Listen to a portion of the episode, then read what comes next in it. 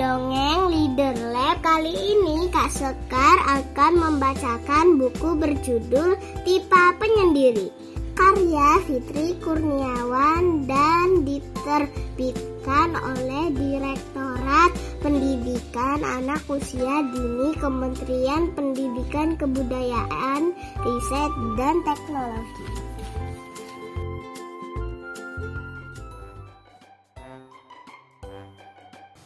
Tipa penyendiri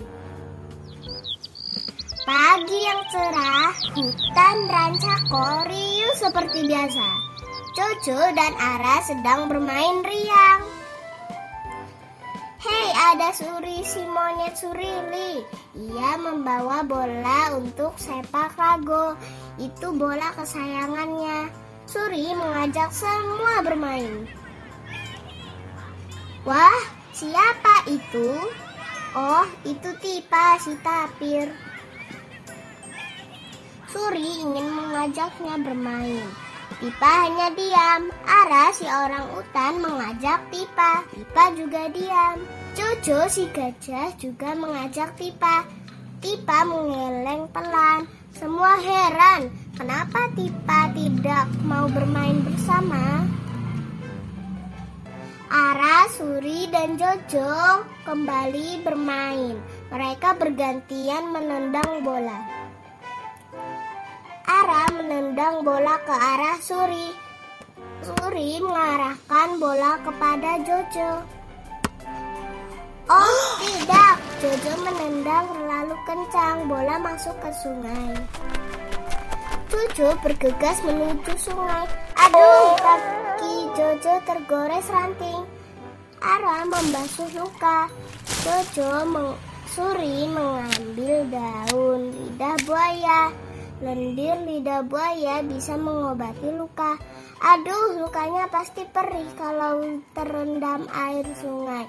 Bagaimana ini? Tiba-tiba terdengar suara. Semua terkejut. Ternyata itu suara Tipa. Boleh aku bantu? Tipa berenang dengan gesit.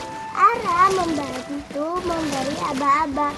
Sore, Tipa berhasil mengambil bola dari sungai. Wah, ternyata Tipa jago berenang. Ia kembali membawa bola. Semua takjub melihatnya. Semua mengucapkan terima kasih. Terima kasih, Tipa. Suri kembali mengajak Tipa, Jojo, dan Ara juga mengajaknya. Tipa hanya menggeleng. Mereka tidak memaksa, kini mereka tahu. Tipa memang penyendiri, namun ia sangat peduli dan baik hati.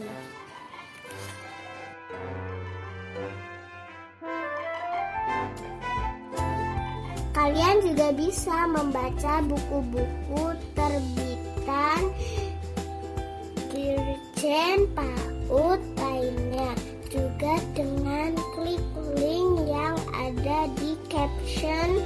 Sampai jumpa di dongeng Leader Lab berikutnya.